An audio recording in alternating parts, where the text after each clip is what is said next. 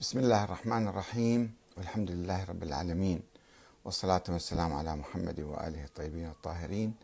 ثم السلام عليكم أيها الأخوة الكرام ورحمة الله وبركاته. هل هذا مذهب يقوم على الكتاب والسنة أم على قانون الغاب ألا نحتاج إلى ثورة ثقافية الدكتاتورية التي تعم العالم العربي. ولا سيما المجتمعات السنية. تستند إلى القوة العسكرية والدعم الدولي وكذلك إلى الفكر السياسي السني الذي يبتعد عن القرآن الكريم ويستغل آياته في دعم الدكتاتورية منذ فجر التاريخ. ومن هنا لا يستطيع العالم العربي والسني بالخصوص التقدم نحو الديمقراطية وبناء أنظمة عادلة إلا بإعادة النظر في تلك الثقافة السلبية الدكتاتورية والثورة عليها. تلك الثقافة التي تستمد جذورها من تجربة الصحابة وكتب الفقه القديمة. إن القرآن الكريم يقول يا أيها الذين آمنوا أطيعوا الله وأطيعوا الرسول وأولي الأمر منكم فإن تنازعتم في شيء فردوه إلى الله والرسول. إن كنتم تؤمنون بالله واليوم الآخر ذلك خير وأحسن تأويلا. النساء 59 أي أنه يجعل ولي الأمر تاليا للرسول فولي الأمر الذي تجب طاعته هو من كان متأسيا بالرسول في تطبيق العدل والحق. وليس من يتبع هواه ويسوم الأمة سوءا. وإذا حدث خلاف بين الولي والأمة فإن عليهم أن يرجعوا إلى كتاب الله وسنة رسوله. وقد شرحنا ذلك مفصلا قبل قليل. ولكن بعض العلماء في التاريخ آه، أنتجوا فتاوى عجيبة غريبة حقيقة وبعيدة عن منطق القرآن. لا يمكن إحصاء يعني جميع هؤلاء العلماء ولكن نقتطف آه، بعض الفتاوى من أشهرهم. مثلا الإمام بدر الدين ابن جماعة الحموي اللي كان هذا كبير الأشاعرة وكان شيخ الإسلام وقاضي القضاة في الشام ومصر وخطيب المسجد الأقصى والجامع الأزهر والجامع الأموي. اللي توفى سنة 733 يعني في القرن الثامن الهجري القرن الوسيط. عنده كتاب اسمه تحرير الأحكام في تدبير أهل الإسلام. يتحدث فيه أنا ناشر الكتاب في صفحتي إذا أحد يحب يطلع على الكتاب كل الكتاب موجود. آه، يقول الإمامة ضربان يعني نوعان. الأولى اختيارية. واحد لأهليتها لأهليتها حتى واحد يصبح هذا إمام بالاختيار. عشرة شروط.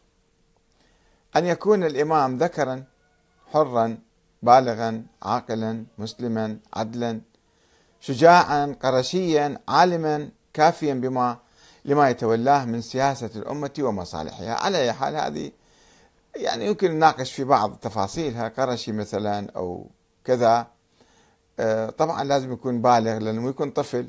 بالتاريخ عندنا خلفاء هم كانوا أطفال صغار. أو عبيد حتى. يعني من المماليك. كانوا بعض الحكام ويبدو هو كان في فترة المماليك هذا أيضا. آه، العبيد كانوا يحكمون مصر والشام والجزيرة. يعني هم كانوا عبيد أساسا واستولوا على السلطة وصاروا يتوارثوها فيما بيناتهم. أصبحوا سادة ولكن أصولهم كانوا عبيد. لذلك أحد العلماء استشكل في تولية أحدهم فقال يجب أن يعتق حتى يتولى. هو صائر سيد يعني فوق الحر. ولكن هكذا بعض الفقهاء يعني تفكيرهم كان جامد أو محدود. فمتى يواصل هذا الشيخ آه، آه، بدر الدين ابن جماعة؟ يقول فمتى عقدت البيعة لمن هذه صفته ولم يكن ثمة إمام غيره انعقدت بيعته وإمامته ولزمت طاعته في غير معصية الله. طبعا هنا أيضا أنه وين؟ منو بايعه أربعة خمسة بايعوه؟ ولا الأمة كلها بايعته الفقه القديم يقول أربعة خمسة يعني مو مشكلة. واحد اثنين ثلاثة يختلفون الفقهاء السنة. في أنه كم واحد؟ يبايعوه فيصبح هذا خليفة شرعي. البيعة بهالمعنى. يعني مثلا حزب التحرير يقول له بايعوا الخليفة في ألبانيا مثلا دولة صغيرة. هذا كل العالم الإسلامي يجب أن يخضع له أيضا. هذا نفس التفكير يعني هذا. آه النقطة الثانية يقول وتنعقد البيعة الاختيارية بطريقتين. أليف بيعة أهل الحل والعقد أو العقد والحل من الأمراء والعلماء والرؤساء ووجوه الناس الذين يتيسر حضورهم ببلد الإمام عند البيعة. خلص في هالمنطقة هاي ذول القادة العسكريين أو وجوه الناس وعالم القاضي كذا فبايعوه خلص صار هذا إمام. كيف يأخذ هاي الفتوى؟ من وين؟ شوفوا كيف يستندها. كبيعة أبي بكر رضي الله عنه يوم السقيفة. بالسقيفة بايعوه آه، الأنصار كبار الأنصار طبعا وأهل المدينة اللي كانوا المسلمين بقية بايعوه فصار خليفة. طبعا هذه الأيام ما كان في إمكانية لاستشارة الآخرين وكانت عملية فلتة وسريعة. يعني طيب ممكن إحنا نجيب زعماء القبائل من كل البلاد ونحطهم في مجلس وهم ذول اللي يبايعون أو ينتخبون أو يسقطون الخليفة السابق. هذا ما كان بعد واصل فكرهم إلى هذا المجال. شيء حدث هذا ما يمكن إحنا نقتدي فيه تماما. يعني هذا مو دين هذا عرف جرى. لازم نفرق بين الدين اللي جاءنا عن طريق الصحابة وبين ما قام به الصحابة من تجارب بشرية تجارب إنسانية. ما نعتبرها تجارب مقدسة ونقيس عليها. وكلما فعل أولئك الصحابة فإحنا نسوي مثلهم. هذا مو صحيح. هنا في تطور صاير عندنا الآن. با استخلاف الإمام الذي قبله. كما استخلف أبو بكر عمر رضي الله عنهما. فإذا الاستخلاف جائز. أي حاكم يقدر يعين لواحد آخر بمكانه. أيضا هذا مو عمل ديني. عمل عرفي هو سوى هالشغلة هاي. وفي نقاش حتى ابن تيمية يناقش أنه هذا كان استخلاف ولا كان ترشيح. في بعض الناس يقولون ترشيح كما ابن تيمية يقول ترشيح. فإذا ما إحنا نعطي مجال للحكام أبد الدهر أنهم يصادروا حق الأمة ويعينوا من يشاءون بعدهم. وهذا تجاوز على الأمة. من صحيح خطأ ما نعتبر هذا مقدس. وإن جعل الإمام الأمر بعده شورى في جماعة. صح أيضا. إذا كيف مثل ما سو مثل ما صار نعتبر هذا هو مقياس يعني إنه صح أيضا ويتفقون على واحد منهم كما فعل عمر رضي الله عنه بأهل الشورى من العشرة. وكانوا ستة باقي من عندهم عثمان وعلي وطلحة والزبير وسعد وعبد الرحمن. واتفقوا على عثمان رضي الله عنه رضي الله عنهم أجمعين. فهذا ما طريقة شرعية كل ما حدث بالسقيفة وما بعد السقيفة فكله صحيح. ولو عهد بالإمامة إلى فلان وبعده إلى فلان خلى اثنين ولي العهد صح. أيضا صحيح هذا. وكانت الخلافة بعده على ما رتبه ما يصير يغيرون. وبعضهم كانوا يقولون ما يصير يستقيل أصلا هو إذا رشحوه. كما فعل النبي صلى الله عليه وسلم في غزوة مؤتة. غزوة مؤتة أوامر عسكرية. عين قادة الجيش فلان إن قتل فلان قتل فلان. مو ولاية أمر الأمة. ما يمكن نقيس حتى على فعل النبي هذا. بس شوف الفقه شلون كان يعني الفقهاء يفكرون. ويشترط في الخليفة المستخلف أو المستخلف والمستخلف بعده أن يكون قد جمع شروط الإمامة. وأن يقبل ولي العهد ذلك. بعد العهد هو يقبل مو يجبروا عليه يعني. وقبل موت المستخلف المستخلف له لازم يقبل إذا ما قبل ما يصير هذا بعد. فإن رده لم تنعقد بيعته. هذا في الفصل الأول صفحة 51 الكتاب موجود هنا تقدرون تراجعوه. هذه الخلافة الاختيارية يسميها. هي قهرية أيضا.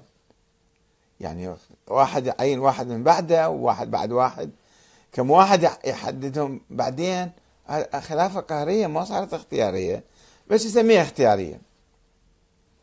الثانية القهرية. خلينا نشوف القهرية شلون. هي قهر صاحب الشوكة يعني جيش يعني صار عنده قوة وصار أصابة عنده وتنظيم عسكري وسيطر على البلد. أه، فإذا خلى الوقت عن إمام فتصدى لها من هو أهلها. وقهر الناس بشوكته وجنوده بغير بيعة أو استخلاف. ياهل يقهر الناس؟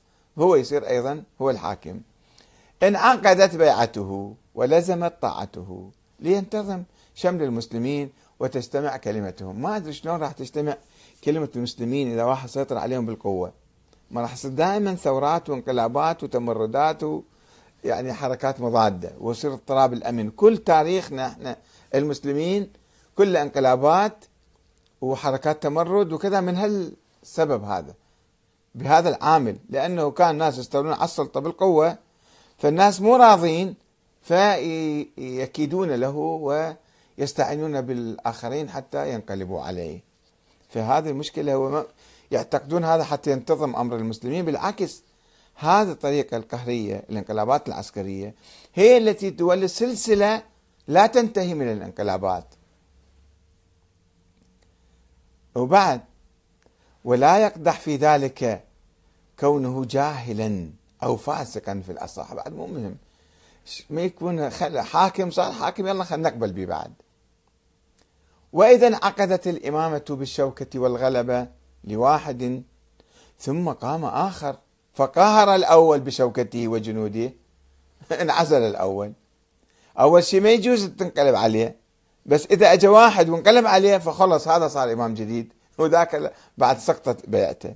سقطت سلطته وما أخذ بيعة مثلا. شوف شلون تفكير يعني شلون تخلف وانحطاط انعزل الأول وصار الثاني إماما لما قدمناه من مصلحة المسلمين وجمع كلمتهم. هذا غير عذر هذا. يومية هذا عذر يعني شماعة عندنا هذا. ولذلك قال ابن عمر يوم الحرة نحن مع من غلب. نحن مع من غلب. يا يغلب يصير هو إمام علينا. هذا أساس انهيار الأمة الإسلامية وانحطاطها وأساس الدكتاتورية. شنو نحن مع من غلب؟ شوف على حق اجى ولا على باطل؟ وسوى مذابح ولا ما سوى مذابح؟ فلازم إحنا نقاوم هذا الحاكم الظالم المستولي على السلطة بالقوة. هذا فصل اثنين صفحة 55 يقول هذا الكلام. طبعا عندنا إشارة أيضا لكلام الإمام أحمد بن حنبل الذي يحرم على المسلم أن يبيت وهو لا يرى الحاكم المستولي على السلطة بالقوة أمير المؤمنين. حتى لو كان ظالم فاسق فاجر بس لأنه تغلب على المسلمين بسيفه لازم نعتبر هذا إمام. هنا عندنا الدكتور المصري المفكر حسني المتعافي يعلق على هاي الفتاوى العجيبة الغريبة. يقول ولا يستطيع أي شيطان بارع ولا ميكافيلي متمرس أن يأتي للناس بأسوأ من ذلك. وكان من الأسهل أن يقول هذا الإمام أن القيام بأمر الناس يخضع تماما لقانون الغابة ولا حاجة لهم بأي تشريع ديني. هو مسوي نفسه عالم ودا يفتي باسم الدين بس دا يفتي كلام ما أنزل الله به من سلطان. فأي خير كان ينتظر من مذاهب كهذه تسعى لفرض قانون الغابة على الناس باسم الدين وكلامه حقيقة في محله. هنا آه، علق بعض الأخوة. الأخ إسلام فارس آه، يقول وعندما قام المسلمون في سوريا بالثورة على حاكمهم الظالم وإنشاء نظام ديمقراطي في بلدهم وقفتم ضدهم واعتبرتموهم إرهابيين. والآن تلومونهم لماذا يقبلون مثل هذا الكلام المذكور. طبعا في البداية أنا أرجو من الأخ أن يتكلم بصورة واضحة. وقفتم ضدهم واعتبرتموهم إرهابيين. منو يعني وقف ضدهم؟ هذا حدد؟ يوجه كلامه إلى ما أعرف منه. أما بالنسبة إلي فأنا كنت أدعو إلى الديمقراطية وإلى آه، العدالة في سوريا قبل أن تحدث آه، أي مظاهرة وقبل أن تحدث أي حركة. ومنذ سنوات طويلة حقيقة كنت ألتقي بمفكرين سوريين أو بعلماء وأنا أيد التغيير الديمقراطي في سوريا. فأنا ما أيد النظام الحاكم المطلق. هذا أولا. وأجبته وكان لي لقاء مع عدة قنوات تلفزيونية الحوار وأي أم بي أعتقد. آه، وتحدثت عن ذلك أنه يعني رؤيتي لمستقبل التغيير في سوريا. طبعا الناس الذين خرجوا المظاهرات ليسوا كلهم كانوا يدعون للنظام الديمقراطي. في ناس كانوا يدعون للنظام الديمقراطي ولا يزالون يدعون للديمقراطية. وفي ناس كانوا يرفضوا الديمقراطية ويعادوها ويعتبروها كفرا وإلحادا. ويدعون إلى إقامة أنظمة دكتاتورية أشد من النظام الحالي. مو بس دكتاتورية النظام الدكتاتوري يقول لك أنا ألماني مثلا وأساوي بين الناس وما أنظر لهم بطائفية. ما يميز. أو حتى مثلا النظام السوري يدعم المؤسسة السنية في سوريا. لا لم لم يفرض المؤسسة مثلا العلوية أو الشيعية آه، الدينية مساجد وكذا حريتهم. وحسب. وهو أيضا قد يكون أعلم أعلن نفسه أنه يصلي مثل السنة أو سني ويقول ما أفتهم شنو العلوية وكذا. ولكن الآخرين الذين كانوا آه، يجاهرون بتكفير الطوائف الأخرى. فعندما تكفر طائفة طبعا راح تدافع عن نفسها وراح يصير فتنة ما راح يصير تغيير ديمقراطي. غير المظاهرات السلمية أو العنيفة يعني استخدام العنف أو عدم استخدام العنف المهم هو أنت شنو مشروعك في البلد؟ مشروعك علماني مشروعك إسلامي مشروعك وطني مشروعك ديمقراطي مشروعك تكفيري مثلا. وشفنا التكفيريين والذبح على الهوية إيش قد كان موجود. فقلت له الأخ فارس إسلام فارس يقول الدعوة للديمقراطية السلمية الوطنية كانت دعوتنا وقد حذرنا من استخدام العنف والطائفية والعمالة للأجنبي. مرة تكون حركة وطنية حقيقية ومرة تكون حركة مخططة ومدارة ومدعومة من قوى معادية للوطن كله. هذا تختلف يعني.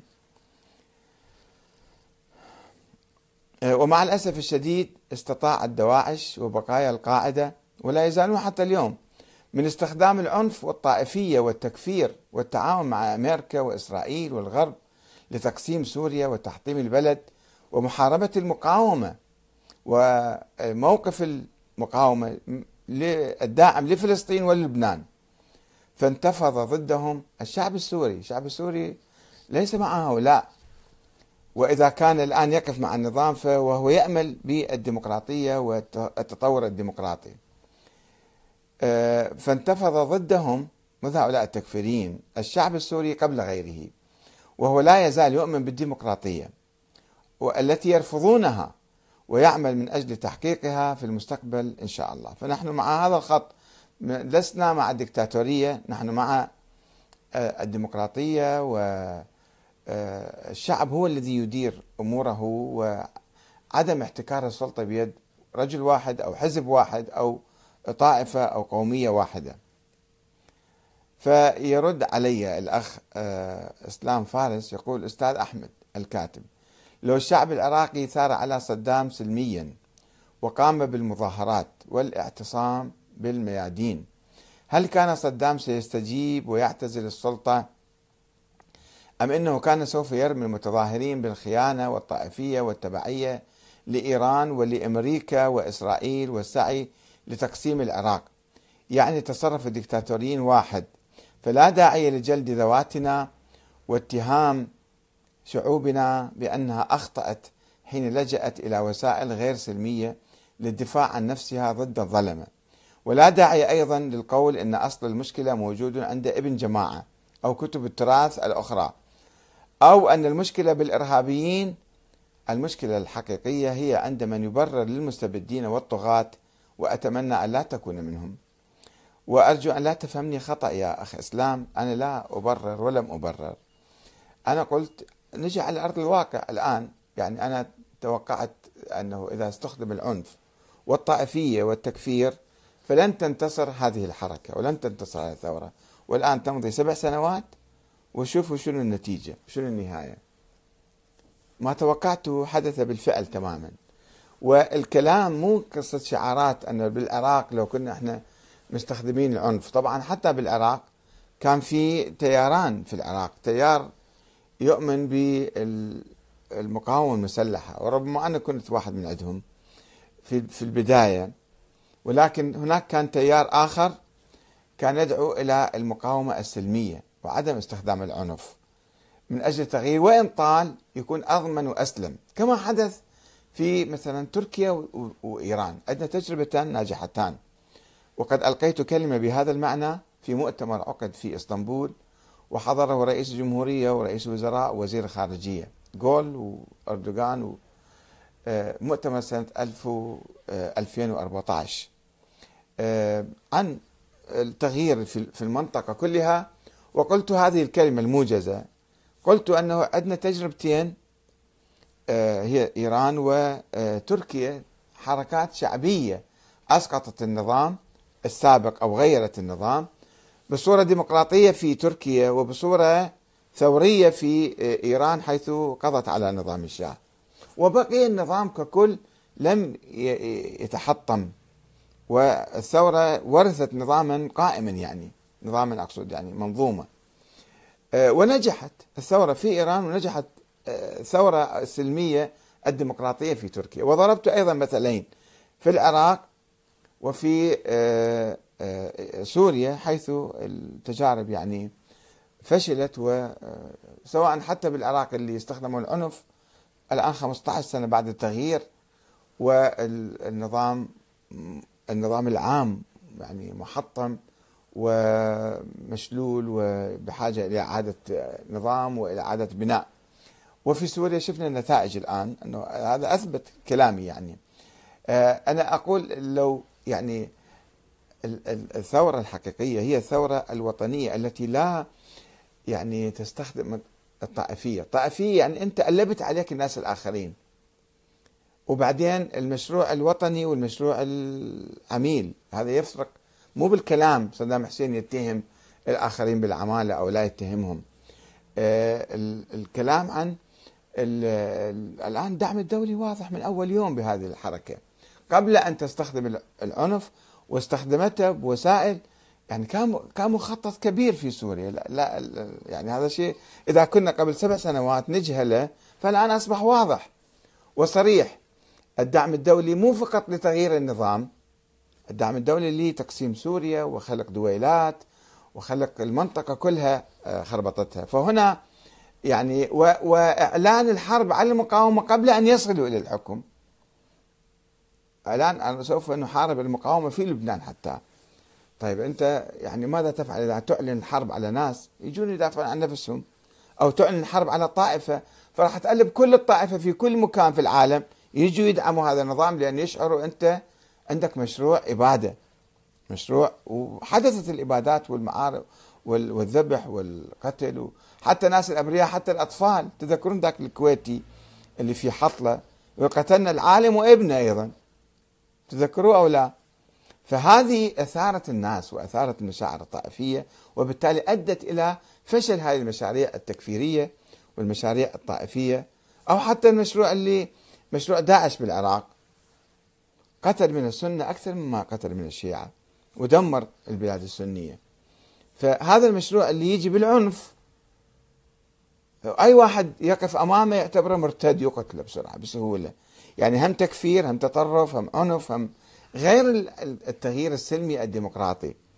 سلمي وبصورة يمكن تدريجية يمكن كذا وسائل ضغط عديدة يمكن تكون مثل ما حدث في تونس مثلا أو حدث في مصر في أول مرة. مظاهرات اعتصامات النظام تغير. حسني مبارك استقال وذاك الرئيس هرب وصار تغيير وبقى النظام العام على حطيته ما ما تحطم.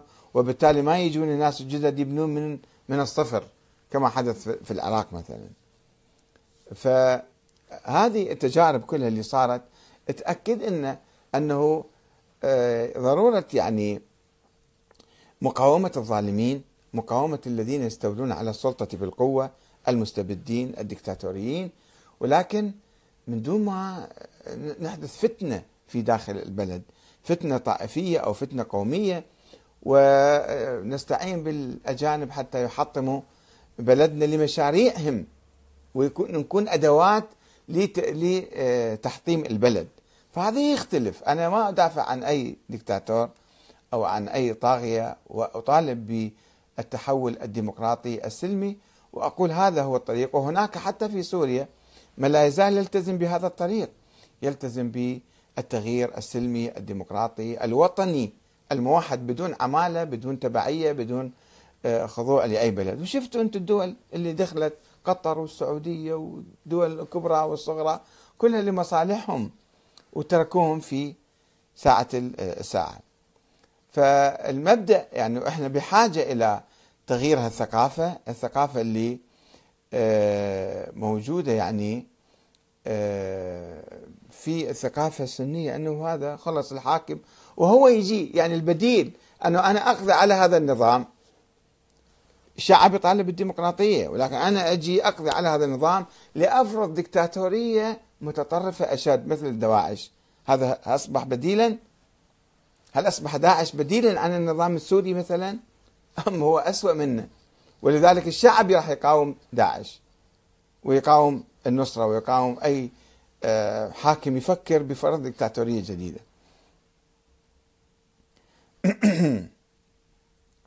الأخ آه، عبد الحميد يقول يسمح لي الأستاذ أحمد الكاتب أن أقول له منشورك هذا متحيز وفي كثير من التجني وفقير جدا إلى الموضوعية العلمية والعلمية كونك تأتي بآراء مرجوحة بل لا قيمة لها بالفكر الإسلامي السني.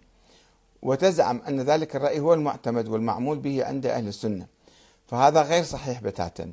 وأنا واحد من المسلمين على نهج أهل السنة والجماعة وأعتبر نفسي أنني تشبعت بالفكر الإسلامي السني المعتدل والغالب على الساحة السنية وأناضل بكل ما أملك من قوة. جيد أنا ما أنا عندي كتاب تطور الفكر السياسي السني. أنا لا أقول هذا هو رأي السنة كلهم هذا آه، عندي كتاب تطور الفكر السياسي السني نحو خلافة ديمقراطية. ذكرت الفكر القديم اللي لا يزال البعض يتشبث به وذكرت أيضا التطورات الديمقراطية الحاصلة في هذا الفكر منذ مئة عام. وأي واحد ممكن يراجع في موقعي أحمد الكاتب دوت نت الكتاب موجود ويشوف هذا الكلام. فأنا مو آه، لا أطلق الحكم وأعرف أنه في ناس متطورين ويؤمنون بالديمقراطية وينبذون هذا الفكر. ولكن هذا لا يزال موجود عند كثير من الناس. في السعودية يروحوا يسألوهم شنو؟ يقول لك ولي الأمر. خلص هذا ولي الأمر. منين اجى كيف صار؟ كيف استولى على السلطة؟ هذا ليس مهما. هذا آه، قصدنا أيضا. آه، والغالب على الساحة السنية وأناضل بكل ما أملك من قوة. أعتبر أن الحرية الفردية والجماعية في التعبير عن الرأي وفي إقرار الحياة المجتمعية وفي اختيار الحاكم بإرادة المجتمع الحرة ومراقبته وتقويمه وعزله أو تثبيته لأحداث أخرى كل هذا من ضروريات الحكم الراشد التي يدعو إليه الإسلام ولا يقر غيره. بالإسلام ما ماكو حديث عن الموضوع.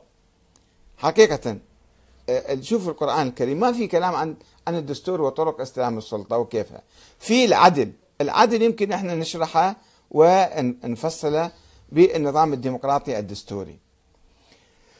وكل ما عدا هذا الفهم للإسلام في مسألة الحكم يعتبر شاذا. ومنكرا. لا شاذ لا.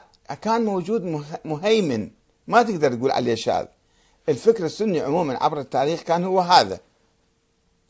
مثل الفكر الشيعي كان آه، يؤمن بالإمامة. إلى أن صار تطور وصار ثورة على هذا الفكر بالنظرية الدستورية وولاية الفقيه والنظرية الديمقراطية. ولا اعتبار لمن أقره. وأرى أن الخلفاء الراشدين الأربعة رضي الله عنهم تصدوا للحكم بإرادة الأمة وكانوا تحت مراقبتها ولم يفتاتوا عن الأمة ولا تسلطوا عليها جبرا وأشركوها عبر نخبتها في القرارات المصيرية. يعني مثلا عمر عندما عين الشورى الستة استشار الأنصار سأل الأنصار شاركهم بعملية الشورى أو أو حصر الشورى فقط في قادة قريش زعماء قريش زعماء القبائل القرشية أه وأشركوها عبر نخبتها في القرارات المصيرية وغير المصيرية. ونحن اليوم نتمسك بالحرية والإرادة. ليس فقط للمسلم السني وإنما لكل إنسان في المجتمع مسلما أو كتابيا أو ملحدا سنيا أو شيعيا. إذا ألتزم إذا التزم بالعقد الاجتماعي الذي يشارك في وضعه عبر مندوبيه أو نوابه أو موكليه. الذين يثق بهم ونرفض تماما أي تدخل أجنبي أو تسلط داخلي أيا كان هذا المتسلط. ونقاوم كل أنواع القهر والاستبداد بكل ما نملك مع مراعاة الحكمة وتجنب راقة الدماء وتهديم الأوطان ما استطعنا إلى ذلك سبيلا. وقد نتنازل عن المهم من أجل الأهم إن ديننا علمنا أن دم الإنسان أشد حرمة من تحطيم الكعبة. كما علمنا كذلك أن لا نعطي الدنية في ديننا وأعراضنا وأموالنا. وأن نجاهد في سبيل الله بأموالنا وأنفسنا وأن لا نعتدي على أحد. هذا تصور آخر. إنسان في صف أهل السنة والجماعة وجماعة الإخوان المسلمين جزء منها. فما بالك بقياداتنا على طول التاريخ وإلى اليوم؟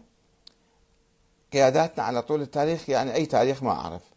إننا نعتز بأن يكون من قياداتنا المعاصرين البنا والغزالي والطاهر بن عاشور والكواكبي والأفغاني وبن باديس والإبراهيمي ومالك بن نبي وسيد سابق وطه جابر العلواني والقرضاوي وغير هؤلاء كثير. الأموات والأحياء. وأخيرا سنحقق بإذن الله تعالى الدولة الراشدة وستنتشر عبر الأمة وسينعم عندها الناس بالحرية والإرادة والكرامة. وسيصنعون مصائرهم بأيديهم وعلى ذلك الأساس يحاسبون أمام ربهم إن خيرا فخير وإن شرا فشر. يقولون متى؟ قل هو عسى أن يكون قريبا. يعني هذا تطور مهم وأنا أشرت إلى بالتفصيل وعرضته في كتابي ولا أنكر ذلك. كل كلامك صحيح. إن شاء الله هالوعي إذا يحصل عند عامة المسلمين؟ والثورة على ذاك الفكر القديم. ولكن لا تزال هناك بعض المجتمعات تؤمن بذاك الفكر. يجب أن نعترف. هذا الفكر لا يشمل كل السنة. هناك من السنة من يعني دائما الطغاة والدكتاتوريون يثيرون الفكر القديم حتى يخدروا الناس ويهيمنوا عليهم. هذا أيضا يجب أن آه، نعترف به. الأخت إيمان عواد تقول أيضا ليس فقط الحكام والدواعش تعتمد على آية قرآنية تلبي مصلحتها وتترك القرآن كله كما فعل داعش وحكام السعودية. أستاذ أحمد الكاتب يا ريت تنطينا رأيك بالقرآن. وكيف نستعمله لهداية المخالف. بعض الناس تستعمل فقط الآيات التي يتوعد بها الله بالنار والعذاب وعدم المغفرة ومتناسين كل آيات الرحمة والمغفرة بالقرآن. كيف نرد على المتعصبين الإقصائيين؟ ومن القرآن أيضا. كلما أجبتهم أجابهم أعطني آية فيها عذاب احترت معهم فهم يقولون فقط المسلمين الشيعة في الجنة وكلهم في النار.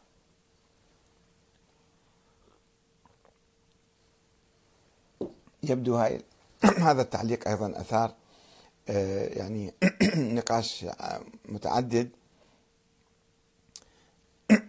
الأخت تجيب يعني بعض الشواهد يبدو عليها وما أقدر أقرأها بصورة ناعمة كلش.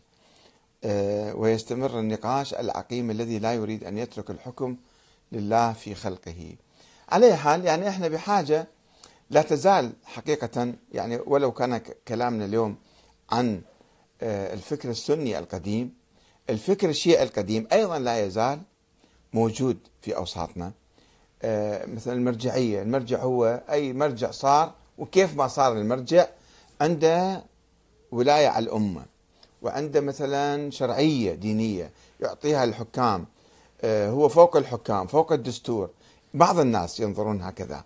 يعني إحنا عندنا الآن نضال من أجل الديمقراطية. آه، في بلادنا. منذ أكثر من مئة سنة آه، من أيام الدولة العثمانية بدأ السعي من أجل آه، إقرار الدستور والتطور الديمقراطي. ثم حصلت نكبات ونكسات وكذلك في إيران أيضا دستور 1906 ودستور 1908 في الدولة العثمانية. كانت خطوات نحو إقامة الديمقراطية والدستور والحكم الدستوري. ثم انتكست عبر الانقلابات اللي صارت والملوك اللي سيطروا.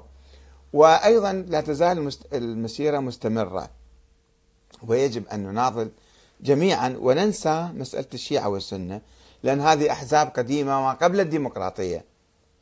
أحزاب قديمة ما قبل الديمقراطية. أما لو تمسكنا بالفكر الديمقراطي اللي الآن الأخ إسلام فارس عرضه وأيضا اللي موجود عند عند الشيعة أنه إحنا نكون في بوتقة واحدة بوتقة إسلامية ديمقراطية أو بوتقة وطنية ديمقراطية. حتى نبني بلادنا بشكل موحد من دون ما نستخدم الأسماء البائدة الأسماء القديمة هذا شيعي وهذا سني وهذا معتزلي وهذا أباضي وهذا زيدي. كل هالأسماء لازم نتجاوزها. حتى نعيش بصورة من دون تكفير أو إثارة أو استفزاز لأي مجموعة بشرية فتنقلب علينا الآية. والسلام عليكم ورحمة الله وبركاته.